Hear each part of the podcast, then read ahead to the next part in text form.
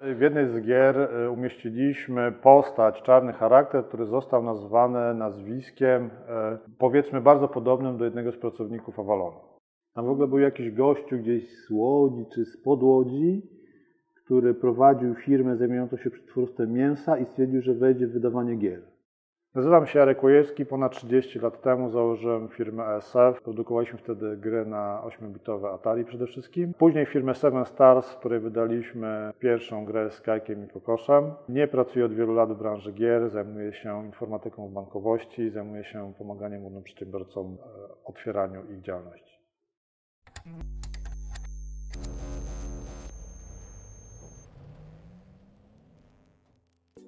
Tak naprawdę cała moja historia, jeżeli chodzi o komputery, to zaczęła się e, w wakacje przed ósmą klasą szkoły podstawowej. Któregoś wieczoru wracałem z kolegą e, z jakiegoś towarzyskiego spotkania i powiedział mi, że ma w domu komputer.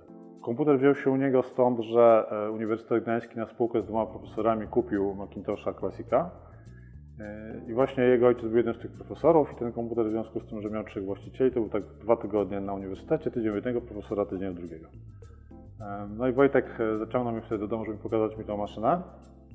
I powiem szczerze, że e, zrobiła ona na mnie takie wrażenie, że do dzisiaj nie do końca pamiętam, jak do domu wróciłem stamtąd, ile to ogóle trwało. Rzeczą, która największe na mnie wrażenie zrobiła, była gra, Labirynt. Czyli taka prosta gra, gdzie gracz klawiszami kursora sterował, żeby wyprowadzić piksela z labiryntu. I zacząłem się zastanawiać, co tu zrobić, żeby móc z tych komputerów korzystać. No to były zabawki wtedy bardzo drogie. Natomiast okazało się, że e, w domu społecznym na Zaspie, gdzie mieszkałem, powstał, e, powstała pracownia komputerowa i od września, zaraz po wakacjach, miały się zacząć szkolenia komputerowe. Jak się o tym dowiedziałem, namówiłem rodziców, żeby za mnie e, zapłacili za te szkolenia. Poleciałem zapisać się. Okazało się, że niestety już pula miejsc została wyczerpana, a więc zapisałem się od razu na następne. I potem był taki okres, że kupowałem takie pismo, wtedy się wychodziło miesięcznik Młody Technik i w Młodym Techniku bodajże Roland Wacławek prowadził taki kurs programowania w Basicu. No więc ja ten kurs programowania w Basicu przerabiałem z tego młodego technika, natomiast robiłem to na kartce papieru. Czyli jak on tam proste rzeczy typu rysowanie, jakiś, jakiś grafik e, pokazywał, to ja po prostu pisałem sobie kod programu, później na kartce w kratkę ten kod programu odtwarzałem. Przyszła w końcu pora, gdzie mogłem, mogłem zacząć e, dotykać prawdziwego komputera, czyli zaczął się ten kurs w domu społecznym na Zaspie i tam były przede wszystkim komputery ZX Spectrum miały stację dysków, no i uczyliśmy się tam programowania w Basicu. Na tyle mnie to wciągnęło i na tyle e, dobrze mi to szło, że e, związałem się z, z tą pracownią komputerową domu społecznym na trochę dłuższy okres czasu. E, także później już po skończeniu tego kursu miałem możliwość przychodzenia tam już poza kursami, tak, nie, nie, nie, nie płacąc, pomagałem w organizacji jakichś wydarzeń w tej pracowni, w organizacji szkoleń. No a przy okazji miałem możliwość korzystania z komputera, no bo w domu go po prostu nie miałem. Gdzieś tam pod koniec ósmej klasy pojawił się w domu u mnie Atari 800 XL przywieziony przez mojego ojca z Niemiec z magnetofonem, bez turbo. I gdzieś tam też w tym czasie pojawiła się giełda komputerowa e, w Żaku w Gdańsku. No i zacząłem tam jeździć, e, patrzę co tam się dzieje, e, jakie, jacy ludzie się pojawiają, jakie programy się pojawiają. Giełda przede wszystkim była taka, takim miejscem, w którym ludzie mający komputery mogli kupować gry a nie mający gier mogli kupować gry czy inne programy od tych ludzi, którzy mieli komputery. No to były czasy, kiedy królowało 8-bitowce. Jak ktoś miał tam już coś większego, to już w ogóle był tam super, tak? Ale generalnie królowały e, Spektrumy, Atari, które wówczas sprzedawał Pewex i Commodore, które zawsze były takim wyznacznikiem trochę większego prestiżu, no bo były przywożone z zagranicy, nie można ich było w zasadzie kupić e, w sklepach w Polsce. Można było tam też poznać ludzi, którzy próbowali na tych komputerach coś robić programować, czy, no, czy, czy rysować na przykład, czy tworzyć jakąś muzykę. E, natomiast generalnie to było takie jedno wielkie copy-paste. Tak? W międzyczasie e, okazało się, że, że w szkole e, kolega wcześniej jeszcze niż ja miał właśnie Atari, więc spotykaliśmy się w trójkę u niego w domu. Graliśmy w ekscytujące gry typu Space Invaders albo Centipede. Później pojawiły się gry na kasetach, na początku były tylko na kartridżach. Natomiast te kasety tak długo, e, tak długo się wczytywały, że myśmy w tym czasie zdążyli zagrać jedną lub dwie partyjki w szachy. W pewnym momencie e, opiekun tego, e, tego domu społecznego stwierdził, że ja tutaj już nic więcej się nie nauczę, już w zasadzie ja mógłbym tam tych, tych ludzi uczyć, co z tym zrobić. I zaproponował mi, żebym zainteresował się taką pracownią komputerową, która powstawała przy domu harcerza w Gdańsku, za murami. I okazało się, że powstał tam pod, pod egidą ZHP harcerski klub komputerowy Hardbyte. E, I to jest w ogóle historia, która chyba jest nieznana szerzej, natomiast Hardbyte, z Hardbyte'u wywodzą się ludzie, którzy budowali na przykład Bank Gdański, dzisiejszy Bank Millennium. Zebrała się tam grupa osób przede wszystkim związanych z zespołem szkół łączności, wtedy to był po prostu technikum łączności, włącznie z Waldkiem Krukowskim, który był naszym drużynowym, czyli, czyli szefem tej całości. No i właśnie grupą osób, które były uczniami. Ja wtedy byłem tam najmłodszy, więc miałem wówczas ksywę młody tam lokalnie. No nie mieliśmy jakichś tam formalnych zajęć, w sensie, że, że raz w tygodniu były spotkania na temat Basica, a drugi raz w tygodniu na temat Pascala. Po prostu pracownia była otwarta, każdy, kto miał tam wejście, mógł przyjść o dowolnej porze dnia i nocy. Przy czym w nocy trzeba było siedzieć cicho żeby, żeby z tego sprzętu korzystać. E, to, co tam było na wyposażeniu, to jeżeli dobrze pamiętam, to były spektrumy, chyba jedna Atari była, to właśnie ja chyba nawet e, do tego namówiłem, żeby kupić stację dysków. Był Spectra Video, taki komputer w systemie CPM, który wówczas końca harcerska sprzedawała. I, I, to, co żeśmy przede wszystkim robili, to e, po pierwsze sami się uczyliśmy i to, to była główna część tego, co tam się działo. Były też e, wyjazdowe właśnie eventy, gdzie pakowaliśmy te komputery w, w kartony, jeździliśmy sobie e, z nimi po różnego rodzaju obozach harcerskich, czy, czy głównie wakacje, czy, czy na, na przykład pamiętam taki wyjazd na jakąś, do jakiejś wioski na Kaszubach, E, gdzie przez trzy dni razem z kolegą e, udostępnialiśmy te komputery dzieciakom, z, które, które, tam mieszkały. Któregoś dnia na śniadanie dyrektorka szkoły, która mieszkała tam, powiedziała, że, że te dzieciaki, które dzień wcześniej były, przyniosły całą siatę grzybów, które rano zbierały i mieliśmy wypasioną jajecznicę z grzybami na śniadanie. No generalnie był to okres bardzo intensywnej nauki tego, jak ten sprzęt używać. E, nie wiem, czy przy okazji jakiś pierwszy system wyborczy w Polsce nie powstał, dlatego że y, gdzieś w tym okresie był wybór szefostwa ZHP, nie, nie pamiętam dokładnie jak to się nazywało. E, no i przygotowaliśmy takie rozwiązanie, które pozwalało prezentować y, sylwetki kandydatów na komputerach. Polegało to na tym, że to na w ogóle ja robię.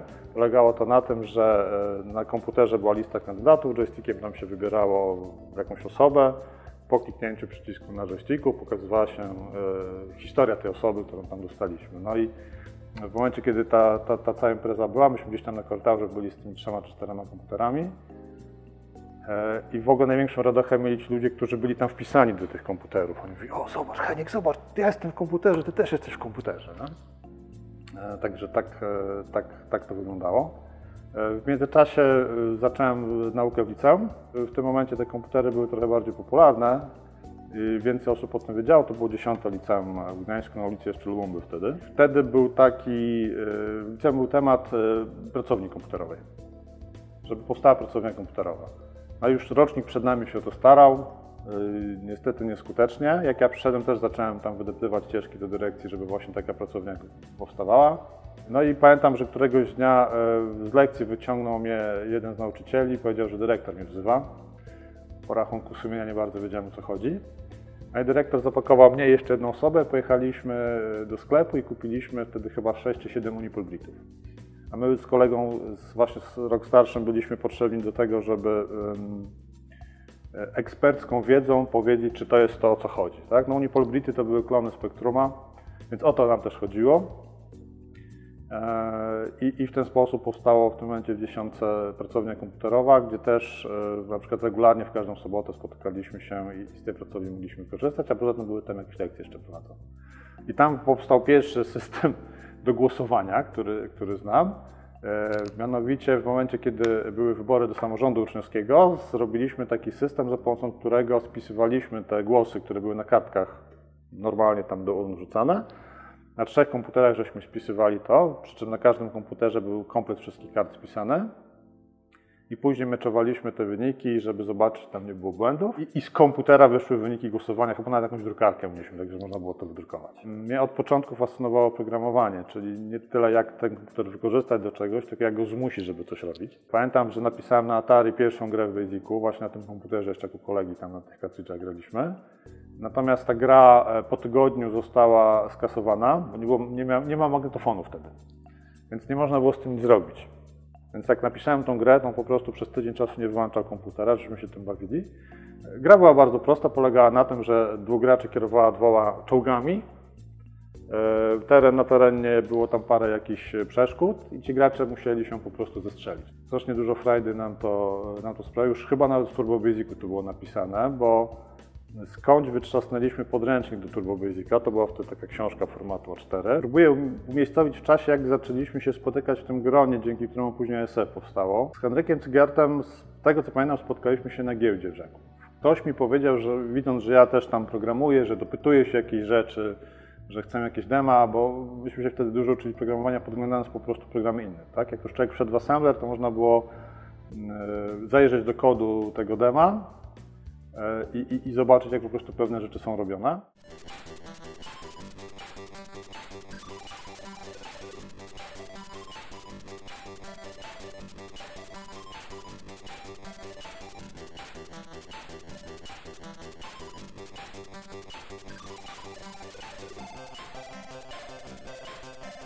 No i ktoś mi powiedział, że jest właśnie taki człowiek, który tam w ogóle wymiata, jeżeli chodzi o programowanie i, i w ten sposób poznałem Henka. To był, to był jeden, jeden element puzli. E, Drugim elementem był grafik. E, I tutaj było tak, że z kolei e, poznałem Piotrka Kuzorę, który mnie z kolei z Aleksem nas tam zapoznał. I Aleks był tym drugim elementem.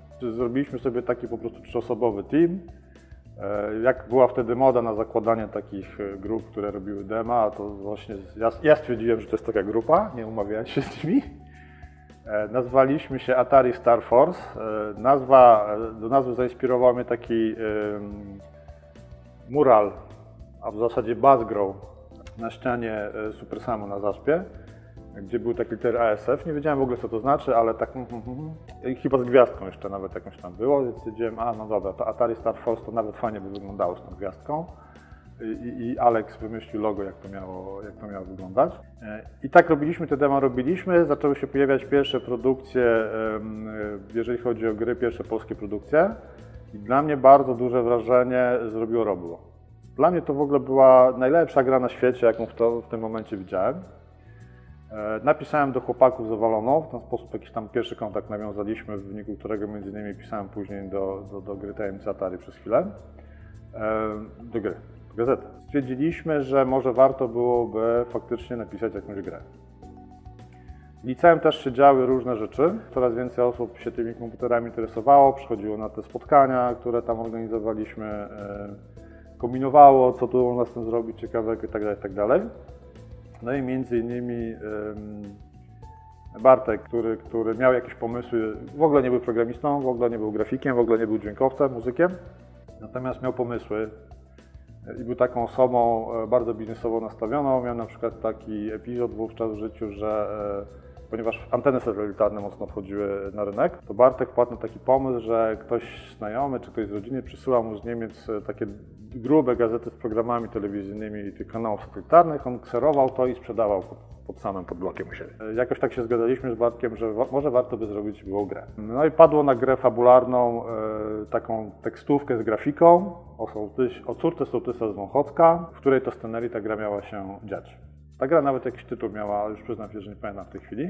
I była taka ekipa, że był właśnie Heniek, był Alex, który robił grafikę, był Bartek, który miał pomysł i jakieś tam biznesowe też chęci, żeby coś z tym zrobić. I zaczęliśmy, y, zaczęliśmy pisać tą grę. Zaczę, zacząłem prowadzić dosyć intensywną korespondencję pocztową z, z różnymi grupami demoscenowymi czy, czy, czy, czy z ludźmi z Polski. I wyszedł taki koncept, żeby właśnie spotkać się w Gdańsku i wspólnie zobaczyć, co tam ludzie robią, powymieniać się doświadczeniem e, i, i, i zobaczyć, co z tego może wyniknąć fajnego. No i stąd się wzięło coś, co, co dzisiaj jest znane pod hasłem e, Atari Star Spark. Z punktu widzenia samego SF-u istotne jest to, że na Atari Star Spark pojawili się ludzie z Avalonu. Bodajże Mirek Kliminowicz przyjechał. Tam w ogóle był jakiś gościu gdzieś z Łodzi czy z Łodzi, który prowadził firmę zajmującą się przetwórstwem mięsa i stwierdził, że wejdzie w wydawanie gier. I on przyjechał z żoną, to pamiętam. I on wyglądał trochę tak jak Rumca, jest taki zarośnięty, e, korpulentny. On nawet jakieś, on, on chyba od em, chłopaków, o, ale to, to wiesz, to nie pamiętam dokładnie ze Szczecina, z, od Magnusa, jego ekipy y, kupili tą grę, w której się latało stateczkami, naprawiało Commodora 64. Zdaje się, że oni to wydali i może jeszcze jakiś jeden tytuł i później w ogóle nie kojarzę, żeby się pojawili. Nie? I pokazywaliśmy między innymi właśnie ludziom zawaloną em, demo tej gry. E, Ale też pokazywaliśmy inne dema, które robiliśmy, w szczególności to, co Heniek Cygat robił. I, I Mirek stwierdził, że słuchajcie, robicie fantastyczne rzeczy, jeżeli chodzi o sprite, o, o ruch na ekranie, tak? O, o różne akcje, które tam się dzieją, a grę robicie taką statyczną więcej. Nie? Może byście spróbowali wymyśleć coś na bazie tamtej technologii, a nie, a nie tutaj pójść w tą stronę. No i podrapaliśmy się po głowach, stwierdziliśmy, że pomysł jest fajny i w efekcie tej rozmowy Bartek wymyślił Waldygira. Wymyślił, jak to ma wyglądać, chyba nawet muzykę z tego, tego napisał. Heniek to zakodował, Alex to narysował.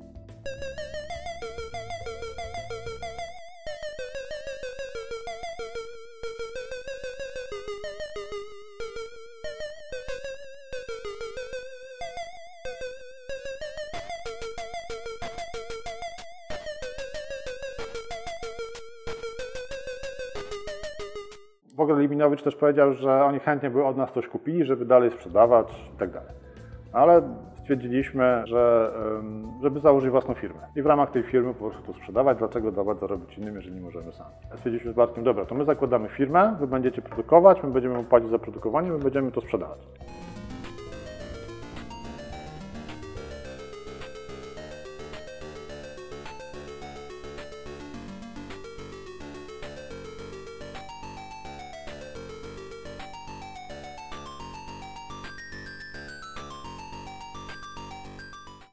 Sposób powstał SF. Bodajże w 90 roku zarejestrowaliśmy firmę, a w marcu 91 e, premierę, czyli zaczęliśmy sprzedaż naszej pierwszej gry. Samo zakodowanie i narysowanie tego okazało się być stosunkowo najprostsze. No, gry na 8-bitowce, e, jeżeli ktoś umiał i się sprężył, to potrafił w tydzień zrobić taką kompletną grę. Em, Natomiast był problem, skąd wziąć pieniądze na wydanie tego. Ja byłem w tym momencie na pierwszym roku studiów, Bartek i Kuba byli w klasie maturalnej, żaden z nas nie dysponował bogatymi rodzicami jakimś zapasem gotówki. No i po, po pewnych inwestygacjach po naszych rodzinach okazało się, że jest szansa, że mogę ja u siebie w rodzinie pożyczyć e, kwotę, która pozwoliłaby na kupienie kaset, nagranie ich, zrobienie jakiejś poligrafii do tego, no i w tym momencie już można to sprzedawać. Więc udało mi się pożyczyć od rodziny te, jakąś kwotę, powiedzmy, że to było 10 tysięcy złotych w przeliczeniu na dzisiejsze. E, Udało mi się pożyczyć tą kwotę z, z obietnicą, że za miesiąc oddam. Bez odsetek, bez niczego, po prostu, że za miesiąc oddam. No, liczyliśmy na to, że w ciągu tygodnia to wszystko wyprodukujemy, sprzedamy, dwa tygodnie termin płatności faktury, to za miesiąc będziemy mieli te pieniądze na koncie. Ilości, które tam chcieli ludzie zamówić, nam tutaj pasowały. Robiliśmy zresztą jakąś sprzedaż wysyłkową, mieliśmy w planach. E, poszło, dostałem te pieniądze, kupiliśmy kasety, chyba nawet jeszcze wtedy zleciliśmy nagranie tych kaset. Zrobiliśmy poligrafię, wysłaliśmy ten towar. No i po miesiącu okazało się, że z tej kwoty 10 tysięcy złotych mamy 5 tysięcy złotych. Więc mówię, słuchajcie panowie, no trzeba coś wymyśleć, bo ja nie mogę pójść i powiedzieć, słuchajcie, teraz oddaję połowę, bo obiecałem, że oddam całość, tak? Chyba Kuba się w tym momencie zakręcił i załatwił pożyczenie tych 5 tysięcy złotych na miesiąc. No bo już mógł powiedzieć, słuchajcie, no mamy sprzedaż, tylko czekamy, mamy faktury, tylko czekamy, aż nam kasa spłynie. No i yy, oddałem te 10 tysięcy, na koniec drugiego miesiąca mieliśmy na koncie około 7 tysięcy złotych. Tam około 2,5 tysiąca nam brakowało, a Kuba musiał oddać. A więc trzeci, wspólnik, trzeci nasz wspólnik Bartek pożyczył skądś te pieniądze, oddaliśmy tą całą kwotę yy, i już po trzecim miesiącu byliśmy na zero. I w zasadzie od tego czasu finansowało się ASF samo. Końcówka lat 80., lata 90. to był taki czas, kiedy y, w zasadzie ciężko było dostać legalne programy. Cały rynek gier w zasadzie był y, rynkiem em, pirackim, który z jednej strony skupiał się na giełdach, tak jak giełda w Żaku była, czy giełda w Domu Marynarza w Gdyni, y, czy w Lastadii w Gdańsku przez chwilę też była. E, Była oczywiście największa w Polsce giełda na Grzybowskiej, na którą też ja regularnie jeździłem i, przywoziłem tam różne cymesy tutaj do, do, do Gdańska. Natomiast zaczęły się pojawiać pierwsze polskie wydawnictwa. No takim prekursorem, z tego co pamiętam, to był LK ale jakoś po piętach deptał mu Mirage. I Mirage w ogóle, jak jeszcze byłem w liceum, e, Mirage e, wydał taką grę e, Battleships, czyli grę w statki, tak, na komputerze, Mirage miał wtedy taki fajny system dystrybucji. Ja byłem dealerem Mirage'a w Gdań- w Gdańsku. Polegało to na tym, że mm, Mirage sprzedawał licencję na zasadzie kopii okładek do kaset. Czyli kupowało się e, na przykład 20 takich em, suwek do kaset z, z obrazkiem z tej gry, chyba jakąś instrukcję do tego, albo instrukcja była w grze. E, I za to się płaciło jakąś tam kwotę, powiedzmy 5 zł. Dostawało się kopię matkę, kopiowało się te kasety, kasety trzeba było sobie kupić, kopiowało się te kasety, wrzucało się te kolorowe okładki, można było to sprzedawać. Ja te gry sprzedawałem wtedy na rynku na Przymorzu. Jest, wtedy był to taki jeden z większych tutaj targowisk w okolicy. E, korzystałem z tego, że mój dobry kolega z, z ławki z liceum e, handlował e, razem ze swoim szwagrem indyjskimi ciuchami i on miał e, takie ławy były i każdy miał tam po, po metrze tej ławy i on miał tam położone te ciuchy, które z Indii były ściągane i parę kaset tam z, tym, z tą jedną grą tam leżało. E, Zupełnie celowo były tylko właśnie te oryginalne gry. I one właśnie miały okładkę, była tam jedna gra, bo tak w sklepach zazwyczaj sprzedawano zestawy po kilka czy kilkanaście gier. I ludzie przychodzili, pytali, tak brali do ręki, a co to jest, tak oglądali. No i ta gra tam kosztowała wtedy 20 zł, a takie pirackie gry w sklepach kosztowały tam od 10 do 15, gdzie przy tych 15 zł to tych gier było tam kilka czy kilkanaście. No i ludzie zaczęli to kupować. Stwierdzili, że to jest coś takiego innego, o to może będę miał chociaż jeden oryginał, a to kupię y, dziecku na prezent. Tak? Zaczęło to po prostu powoli tam e, schodzić. No też y, mm, widać było, że Avalon wydaje kolejne tytuły i, i to dla nas było taki znak, że coś się po prostu zaczyna dziać takiego, że ludzie chcą kupować. I też wydaje mi się, że istotną rzeczą było to, że myśmy robili te gry po polsku. A, a wszystkie te, te piracone gry to były przede wszystkim wydawnictwa zagraniczne, w związku z tym też jakaś tam kwestia bariery językowej, chociażby, że chodzi o to, co się dzieje. Dodawaliśmy do tego instrukcje. To też miało znaczenie dla osób, które nie miały do czynienia z komputerami, więc instrukcji było od początku, od załadowania do tego, w jaki sposób grać te gry. E, No, jedną z zabaw wtedy było odgadnąć, jak należy w grę grać i pisma typu Topsikę czy, czy, czy Bajtek e, opisywały, jak w ogóle grać w daną grę, tak? które klawisze do czego tam służą. To, to tutaj było w pakiecie, No więc widać było, że ludzie chcą, chcą te gry kupować. E, oczywiście starali się wszyscy w jakiś sposób te gry zabezpieczać. Ja w pewnym momencie stwierdziłem, że jestem mistrzem e, kierowania prędkością obrotu e, w magnetofonem Atari, po to, żeby właśnie zabezpieczenia tam budować i, i, zapisu sygnału na kasetach. E, Natomiast te zabezpieczenia było stosunkowo łatwo obejść. e, Były osoby w Polsce, które się w tym bardzo mocno wyspecjalizowały i, i te gry tak czy siak e, dosyć szybko pojawiały się na giełdach. Baliśmy się oczywiście, że będą te pirackie kopie, że się na nich przejedziemy. Natomiast no, wtedy człowiek y, jakby miał taką poduszkę bezpieczeństwa, że mieszkałem, mieszkaliśmy w całą trójką rodziców, tak? Nie wydaliśmy więcej niż zarobiliśmy, pomijając te pierwsze trzy miesiące. Y, I jakoś to się nam tam zaczęło spinać. Zwłaszcza, że, że y, okazało się, że w Trójmieście więcej ludzi myśli o tych grach. Namawialiśmy ludzi, którzy piszą jakieś dema, żeby właśnie zaczęli nam jakieś, dla nas jakieś gry robić. Zaczęli się ludzie z Polski odzywać, że tam e, coś robią.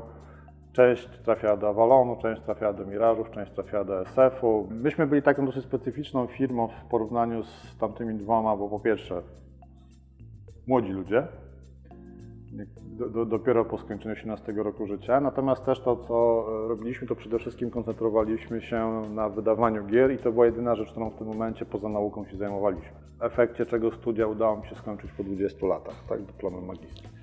Natomiast e, Miraż był w takiej specyficznej sytuacji, że oni poza, gra, poza produkcją, produkcja gier była dodatkową rzeczą do, do innych, które robili, tak? czyli handlem innymi tytułami, e, jakimś sprzętem komputerowym i tak Avalonie, z tego co pamiętam, sytuacja wyglądała tak, że e, partnerzy byli też, mieli też inne działalności. Zdaje się, że ktoś na taksówce jeździł, coś innego tam jeszcze po prostu ludzie robili, no i wydawali tajemnice Atari.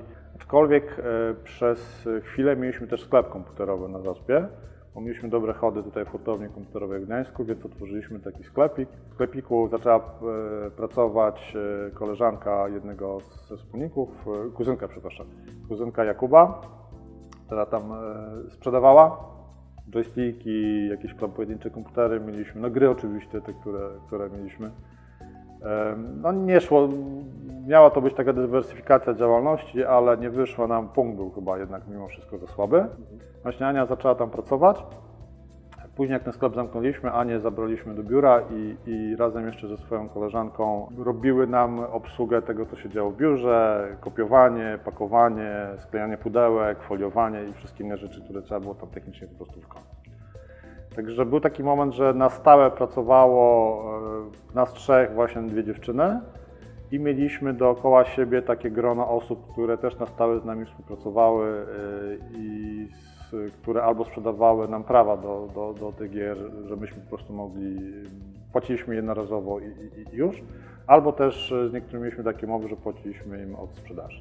Myśmy przez chyba pierwsze pół roku w ogóle żadnych pieniędzy z tego nie wyciągali. Wszystko, wszystko szło dalej. No nie mieliśmy problemu, że potrzebujemy pieniądze na coś tam. Natomiast jeżeli trzeba było wydać pieniądze i nie wiem, pójść gdzieś się spotkać i zapłacić rachunek w jakimś, yy, jakiejś knajpie, bo to, to, to, często było tak, że te spotkania właśnie po jakichś tam knajpach były, zwłaszcza jak nie mieliśmy jeszcze biura, no to płaciliśmy z tych pieniędzy, które e, firmowych.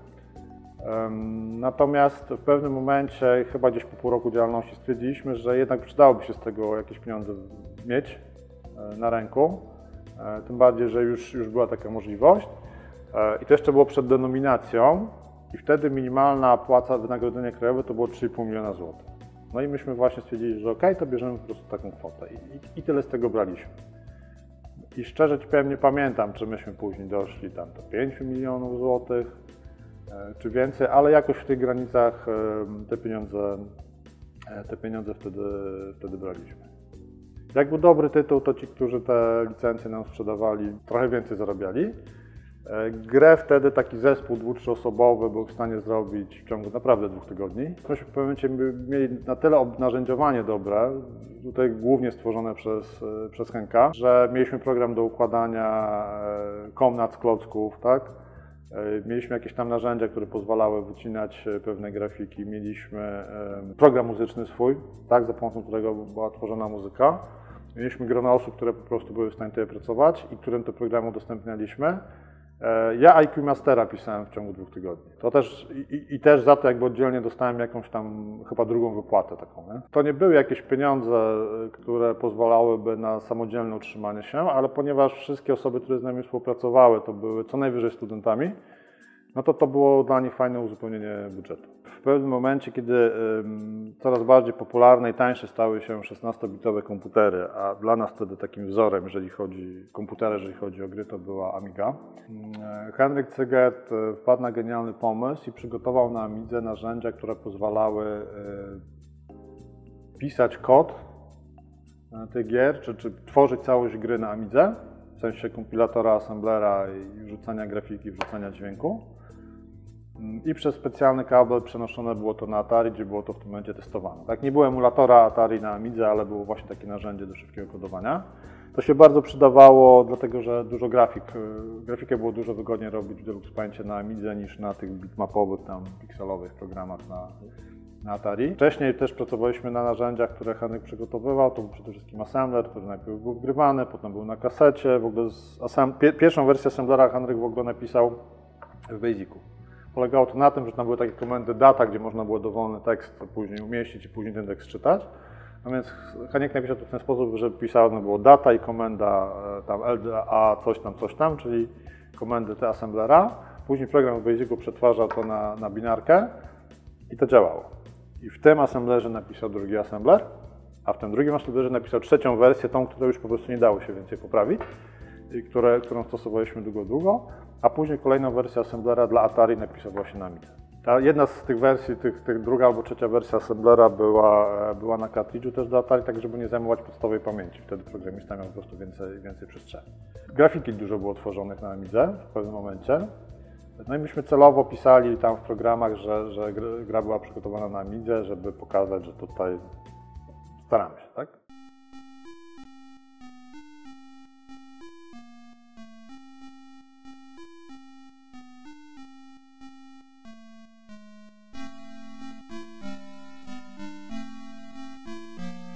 Jeżeli chodzi o to, które z tych gier były naszymi największymi przebojami, no to niewątpliwie takim super hitem były Miecze Wolgira.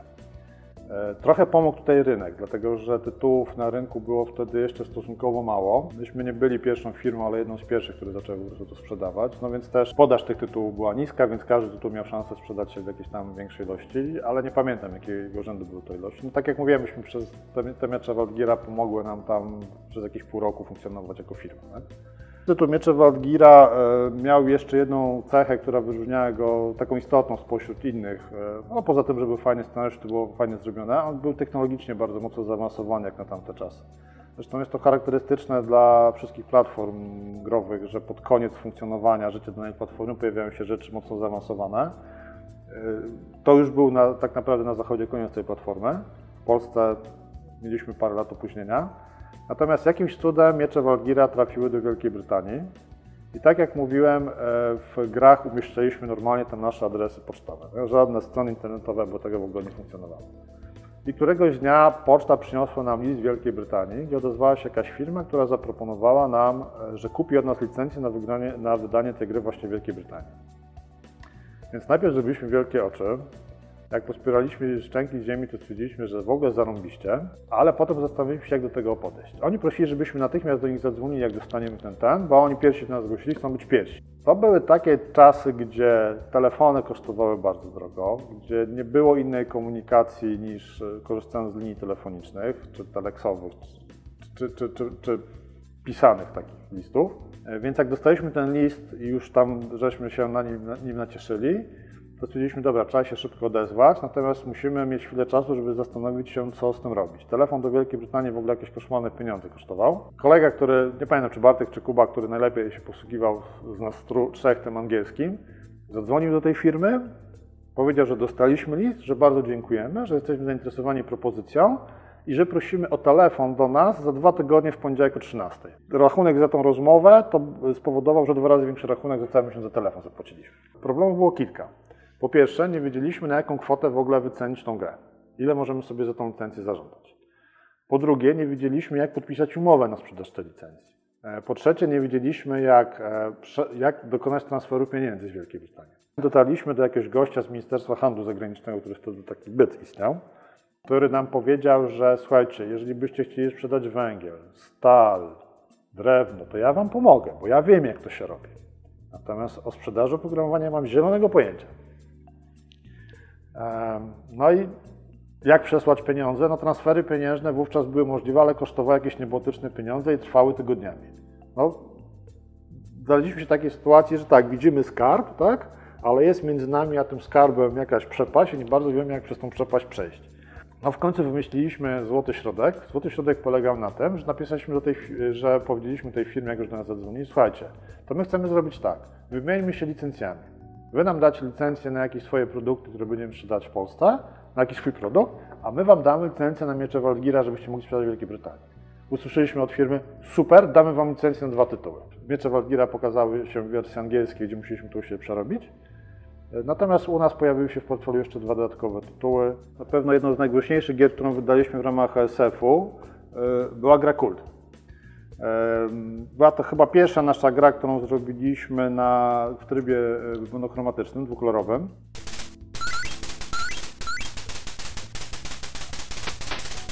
E, Dlatego, że chcieliśmy uzyskać efekt y, grafiki wysokiej rozdzielczości, żeby, było, e, żeby można było trochę tych detali tam pokazać.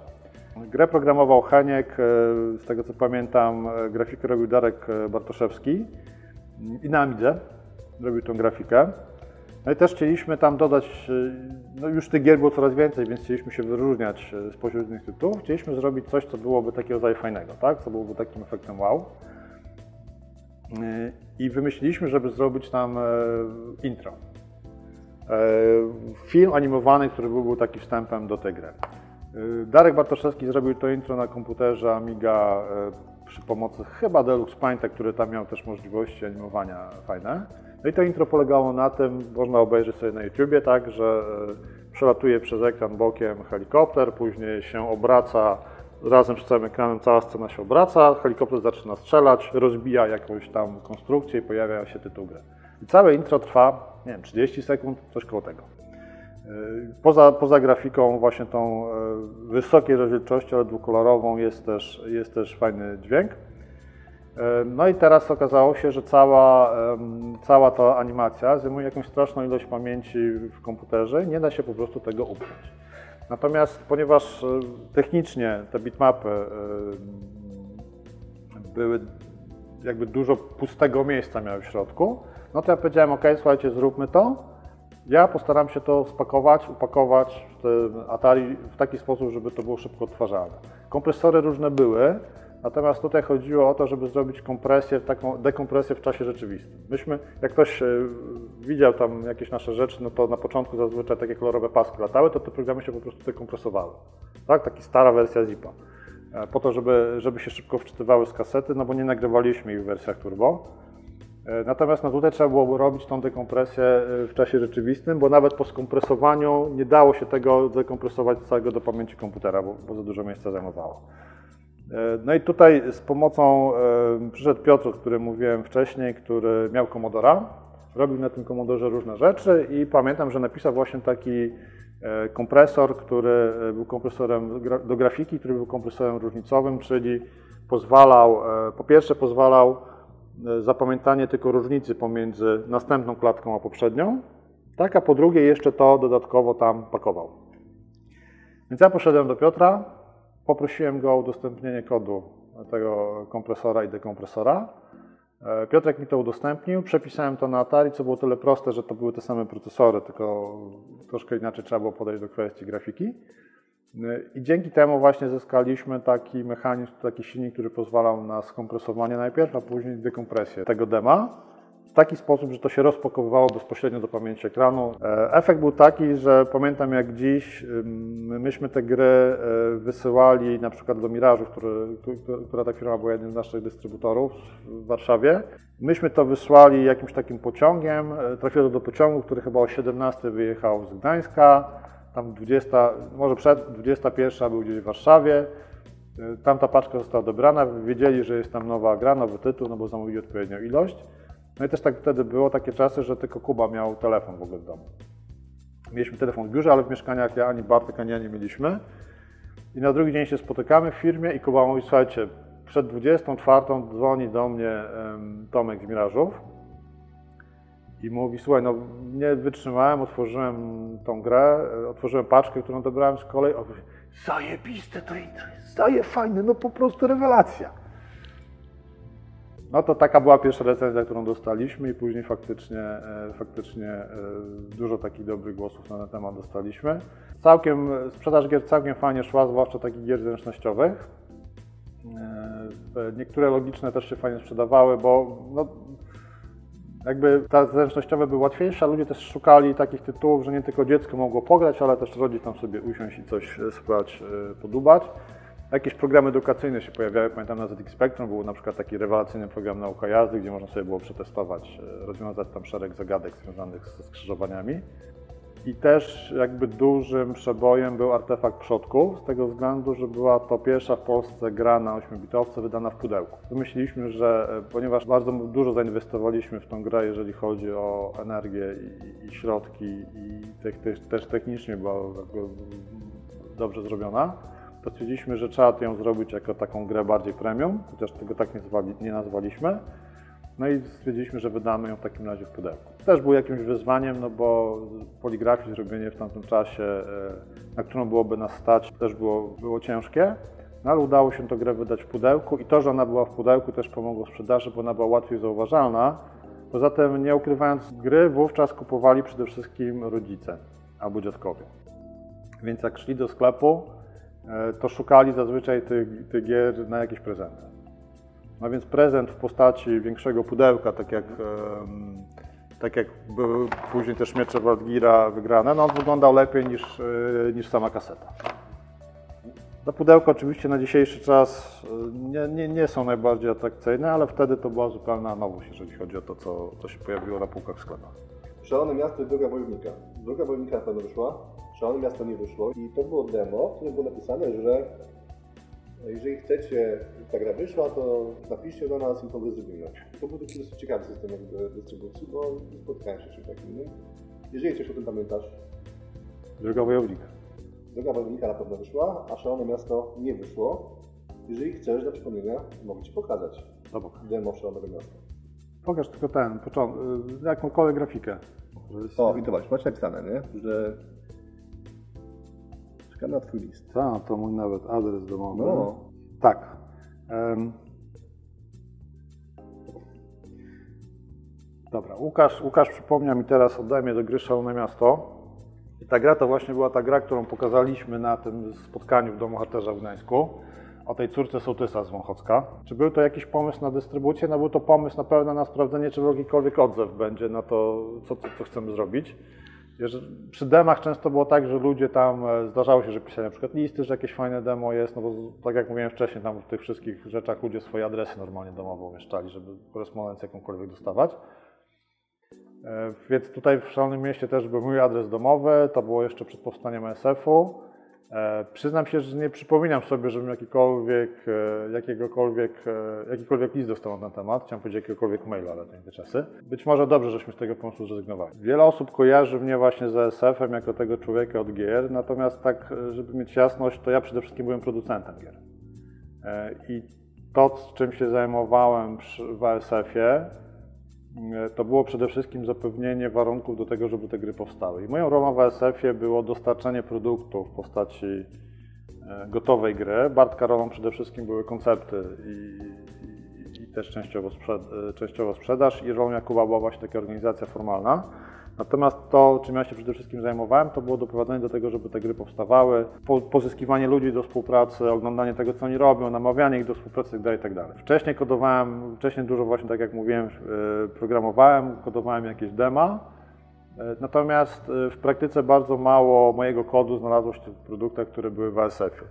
No jedną z takich rzeczy, które, które wówczas powstały, to była gra mm, IQ Master. Tak wyglądały wersje na dyskietkach, tak, gdzie była normalnie okładka od kasety po prostu odklejona na dyskietce i taki fajny stempel, żeśmy za jakieś straszne pieniądze sobie zrobili z logiem. Yy, I one były tak sprzedawane, dokładnie w takiej postaci w sklepach, wersje dyskietkowe. Yy, Z tą grą była taka historia, żeby, yy, że żeby mieć pewną płynność finansową, żeby spółka miała na bieżące wydatki, no to musieliśmy trochę tych tytułów wydawać. I w pewnym momencie okazało się, że przydałby się jakiś nowy tytuł.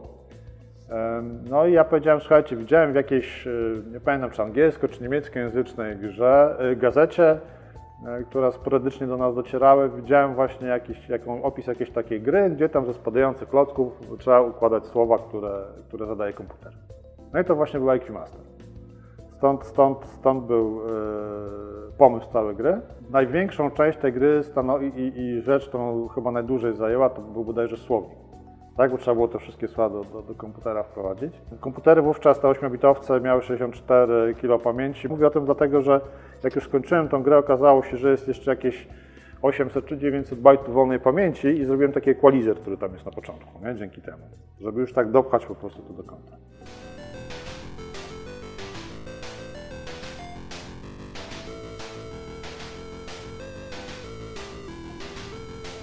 We, we wszystkich grach był podany nasz adres i bodajże też numer telefonu, być może w grze jest, bo na okładce nie ma.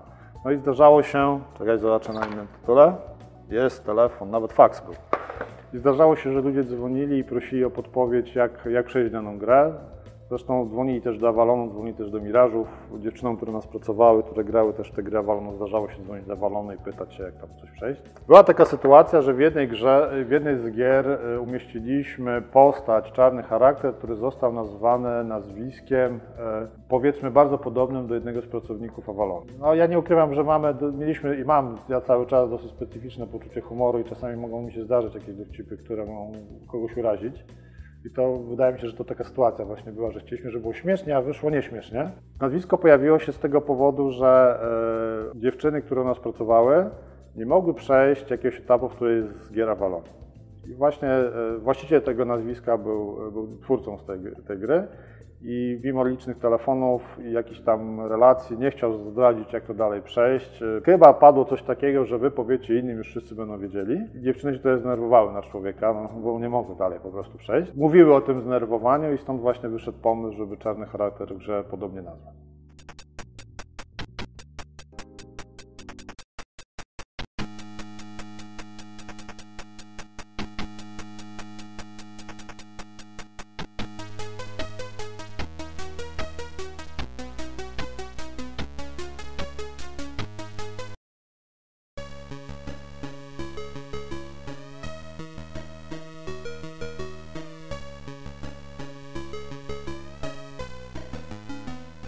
Ja w ASF-ie funkcjonowałem, jeżeli dobrze pamiętam, do 1994 roku. E, Jeżeli nie pamiętam, to możecie sprawdzić, to był ten rok, gdzie został VAT wprowadzony. No w pewnym momencie jakby stanęliśmy w takim punkcie, kiedy Atari zaczęło się powoli kończyć. Ta sprzedaż cały czas szła, mieliśmy sporo tytułów, więc to jeszcze tym jakoś szło, natomiast zaczęliśmy powoli rozglądać się za innymi platformami. No i taką naturalną platformą, która wtedy nam się wydawała najbardziej rokującą, którą znaliśmy, to była Amiga.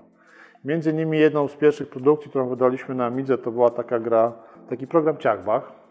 Bardzo nietypowa e, rzecz, o której mało osób wie. Myśmy to nazywali zabawką edukacyjną. Cały program składał się z czterech prostych, e, jak na dzisiaj, gier e, przeznaczonych dla małych dzieci, takich tam kilkulatków, gdzie za pomocą myszki mogły sobie ułożyć puzzle, narysować jakiś tam rysunek, czy, czy, czy pograć na cymbałkach. E, Grę w ogóle napi- napisał człowiek niezwiązany z nami. Myśmy po prostu to wydali też już w tej wersji pudełkowej. E, Natomiast zaczęliśmy się zastanawiać e, nad jakimiś kolejnymi tytułami, które moglibyśmy wydać. Pojawił się pomysł adaptacji Mieczy Waldgira na Amigę.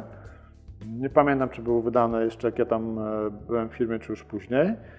I zaczęliśmy też się bardzo poważnie zastanawiać nad Kajkiem i Kokoszem. Natomiast z Kajkiem i Kokoszem mieliśmy taki problem, że nie wiedzieliśmy, jak tą grę ugryźć, jak ona ma wyglądać.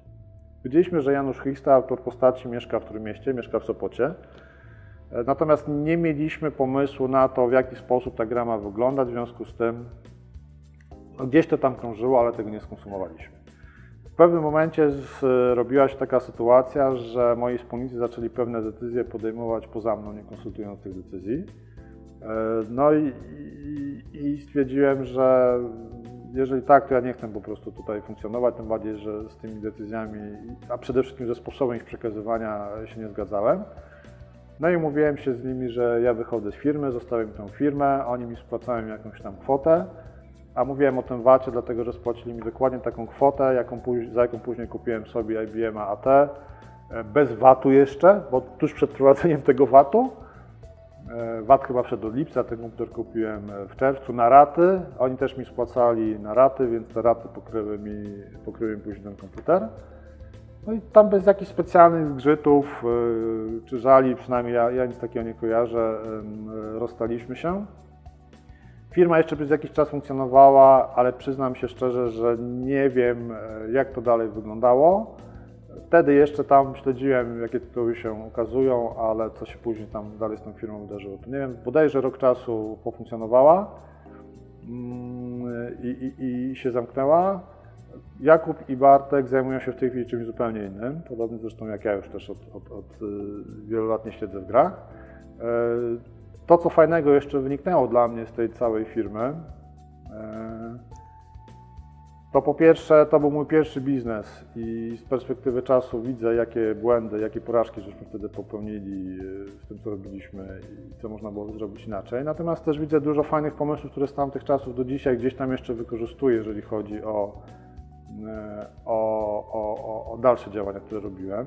Kokosów na tym się nie dorobiłem, natomiast pozwoliło mi to w okresie studenckim tam jakoś funkcjonować e, bez, bez wyciągania pieniędzy od rodziców. Po ASF-ie przez chwilę miałem przerwę, jeżeli chodzi o prowadzenie własnej działalności i przez e, rok czasu z okładem pracowałem w takim sklepie Artika, który wtedy był bardzo znany w Gdańsku.